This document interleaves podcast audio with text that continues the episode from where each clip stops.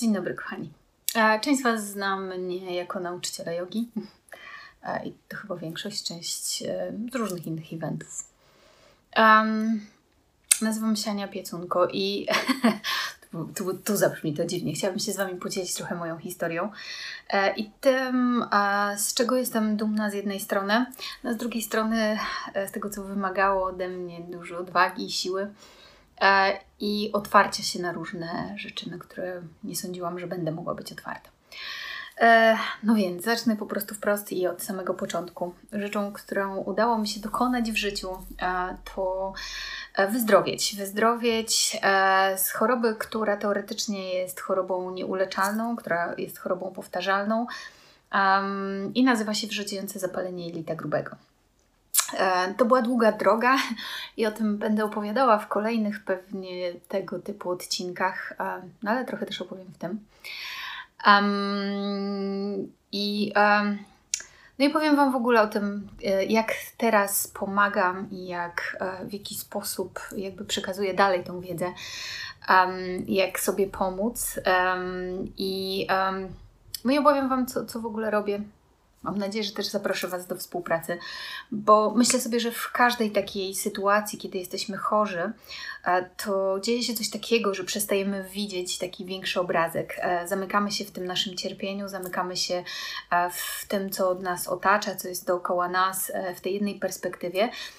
I fajnie jest, jeżeli ktoś z boku po prostu prowadzi nas trochę za rękę, trochę nam pokazuje inne perspektywy, trochę nam mówi na przykład weź teraz ze swoich butów i zobacz, to wcale nie wygląda tak, jak wygląda, albo po prostu trzyma nas za rękę, jak już jest super ciężko i mówi, wiesz co, jestem tutaj z Tobą.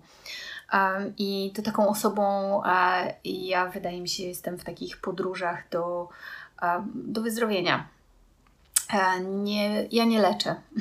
Leczymy się zawsze sami. Osoby, które, e, które są zdrowicielami, to są przynajmniej z mojej perspektywy osoby, które e, po prostu trzymając nas za rękę prowadzą przez ten cały proces. No ale do rzeczy. Więc jak miałam 27 lat, teraz mam ich znacznie więcej, zachorowałam na wrzodziejące zapalenie jelita grubego. No moje e, na początku było dosyć delikatne, w sensie takim, że to było tylko krwawienie podczas e, oddawania stolca. E, ja też chcę nazywać rzeczy po imieniu, więc pewnie będę używała bardzo różnych określeń i stwierdzeń. Też mam nadzieję, że w tych filmach trochę zdejmę różnych momentów tabu, takich jak tabu o kupie. Kupa jest spoko. Um, że, zwłaszcza jak się z nią naprawdę dobrze zaprzyjaźnisz, bo musisz. Mm, no więc um, zaczęłam chorować, jak miałam 27 lat. E, na początku to było na tyle delikatne i na tyle wypierałam to i w ogóle udawałam, że wszystko jest w porządku, że w zasadzie nie było większego problemu. E, problemy pojawiały się tylko wtedy, kiedy na przykład przegięłam, tak jak pojechałam na wakacje do Tunezji i wróciłam z nich lądując w szpitalu na tydzień z podejrzeniem choroby zakaźnej, oczywiście biegunkami w każdą stronę, no już miałam też wtedy diagnozę. To było bardzo krótko po, po w ogóle diagnozie, no bo oczywiście nie, jakby no, ignorowałam fakt tego, że, e, że jestem chora. Zresztą ja też nie miałam wtedy świadomości kompletnie tej choroby. No potem było już coraz gorzej, w sensie takim każde kolejne moje um, zaostrzenie, których było sporo, e, wiązało się z jakimś przeciążeniem, przeważnie z nadużyciem samej siebie e, w pracy, w jakimś tam, nie wiem, moim życiu prywatnym, w kontaktach z ludźmi. E, I, no i to sprawiało, że każda kolejna, mm, kolejne było oczywiście coraz trudniejsze, wymagało coraz intensywniejszego leczenia. Ja miałam też taką wewnętrzne, głębokie przekonanie, taki bardzo silny imperatyw, że nie chcę brać sterydów, że zrobię wszystko, żeby je nie wziąć. Więc e, brałam bardzo alternatywne, alternatywne rzeczy. Byłam na przykład na um, biologicznym leczeniu, byłam na leczeniu um, też eksperyment, znaczy eksperymentalnym, no, tym, tym potwierdzającym w tych badaniach takich, którzy prowadzą lekarze, w których to albo to są badania już do wprowadzenia leku na, na rynek, albo takie, w których ten lek się e, po prostu bada i testuje. No to wolałam takie leki niż sterydy. I mam jakieś poczucie i przekonanie głębokie do teraz, że to była bardzo dobra decyzja.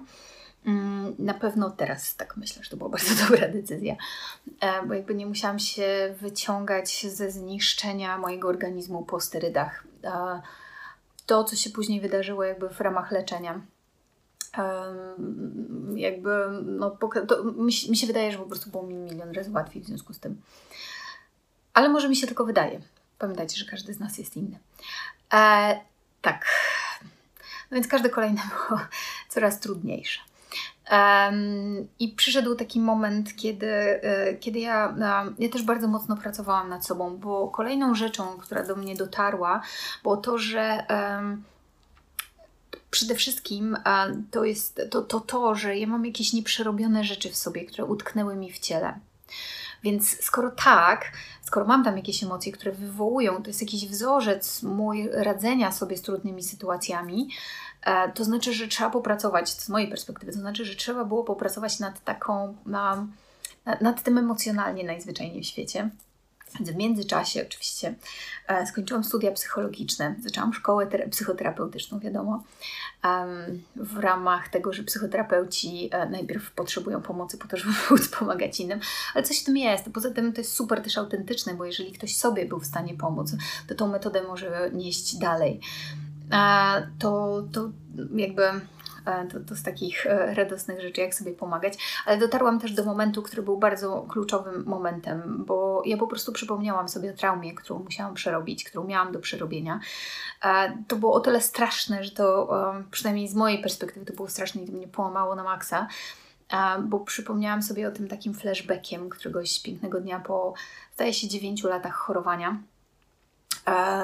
Ja pamiętam, że upadłam na podłogę, bo się kolana pode mną ugięły. Ja po prostu nie mogłam się podnieść. Ja płakałam na tej podłodze jak dziecko. Trochę tak, jakbym się zaczęła rodzić na nowo. tak symbolicznie. E, I no i, i potem zaczęła się praca nad tym, żeby sobie z tym poradzić. Też, e, wiecie, wszechświat o nas dba i zawsze daje nam różnego rodzaju narzędzia. Ja z nich skorzystałam. E, I to był też taki moment, kiedy ja już zaczęłam odpuszczać najzwyczajniej w świecie kontrolę, no bo trauma, w, każda trauma w nas budzi taką potrzebę kontroli, po to, żeby się kolejny raz nie dać skrzywdzić, albo żeby ta, ta sytuacja się nie powtórzyła, która nas krzywdzi. E, więc moja potrzeba kontroli zaczęła po prostu odpuszczać najzwyczajniej w świecie, bo już wiedziałam, że nie mam, ja, ja, nie mam na to wpływu i po prostu nie ma takiej opcji, że ja jestem w stanie cokolwiek skontrolować w takiej sytuacji. I też e, mając taką wiedzę, a nie inną, wiedziałam też, że jedynym sposobem na to, żeby sobie z tym poradzić, jest po prostu przeżycie tego. No, ale ponieważ oczywiście wiadomo, że jak pojawiła się trauma, to pojawiło się zaostrzenie życia. Halo. Um, I w związku z tym było super trudno. I tutaj udałam się już nie do lekarza, ale ponieważ lekarze, znaczy nie, przepraszam, wróć, udałam się do lekarza, bo ja cały czas byłam pod kontrolą lekarzy, ale też pomyślałam sobie, że, um, że no biorę wszystko, co przyjdzie. No i a, mój przyjaciel w sumie e, powiedział, wtedy jeszcze kolega, zapo- powiedział, że ma właśnie takiego uzdrowiciela, więc ja pojechałam do uzdrowiciela. E, i on mi bardzo moim zdaniem pomógł. Um, jakby na pewno to, co się wydarzyło i to, co lekarze i uzdrowiciele dali mi, to ten czas i przestrzeń na to, żeby poradzić sobie z tymi wszystkimi emocjami, um, w tym kontekście, żeby po prostu złagodzić moje objawy, czyli objawy te fizyczne, które się działy. Um, I tak zaczęło się moje zdrowienie od tego czasu, czyli już mniej więcej 4,5 roku, prawie 5, e, podróżuję po świecie e, ogromnie. Nawet spędziłam 3 miesiące w Indiach, tak mniej więcej chyba około roku po, po wyzdrowieniu ogólnie rzecz biorąc pojechałam do Indii. 3 e, miesiące, nic mi nie było. Ostatnio miesiąc na Bali, już nie wspomnę o takich weekendowych czy tam tygodniowych gdzieś wyjazdach dookoła, gdzie mój organizm po prostu zachowuje się i moje jelita jak najlepsze na świecie. Miałam parę takich momentów przez te 5 lat, kiedy zaczęłam zaczęłam panikować. E, raz, e, kiedy miałam taki zabieg e, wycięcia cysty i tam podali mi antybiotyk, bardzo się bałam, że coś się stanie i naprawdę zaczęłam panikować. Chyba raz nawet wzięłam czopki, bo mi się coś tam wydawało.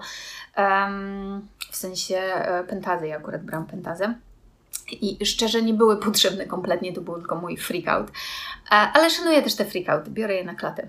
No są to są.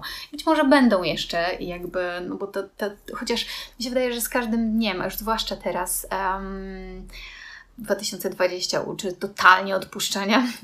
E, odpuszczam, po prostu pozwalam się życiu dziać. E, co nie oznacza, że nie działam. To nie jest tak, że się siedzi i nic nie robi. Ale... Um, też nie siedzę i nic nie robię, ale ale odpuszczam coraz bardziej e, i, i to pozwala zdrowieć. No, no, wracając do tematu ogólnie, z mojej perspektywy, żeby poradzić sobie z takimi rzeczami jak e, choroba, to z mojej perspektywy trzeba się za nią zabrać na kilka sposobów, właściwie ze wszystkich możliwych stron. Pierwsza to mentalna strona, druga e, to, to nasze ciało, bo ja, ja po prostu też stosowałam dietę bardzo intensywną. W dużej mierze jestem na niej teraz też, bo po prostu bardzo się dobrze po niej czuję i jakby nie zamierzam tego zmieniać. Na początku i wszyscy mi mówią, że to jest super trudne, no ja się do tego tak przyzwyczaiłam, że nie mam z tym kłopotów. Um, I ostatnia rzecz to też trzeba zadbać trochę o naszą, um, naszą mentalność, naszego ducha naszą energię dookoła, na tym, żeby wspierać siebie, żeby sprawiać, że myśleć pozytywnie na przykład, tak żeby te nasze wibracje cały czas się podnosiły. No dobrze, to by było tyle na pierwszy odcinek. Mam nadzieję, że Was zachęciłam. To zapraszam do kolejnych, w których mam nadzieję, że będę opowiadała o różnych interesujących, y, różnych etapach albo różnych aspektach chorowania, a potem zdrowienia albo chorowania i zdrowienia w tym kontekście. Może to Was do czegoś zainspiruje. Dziękuję Wam.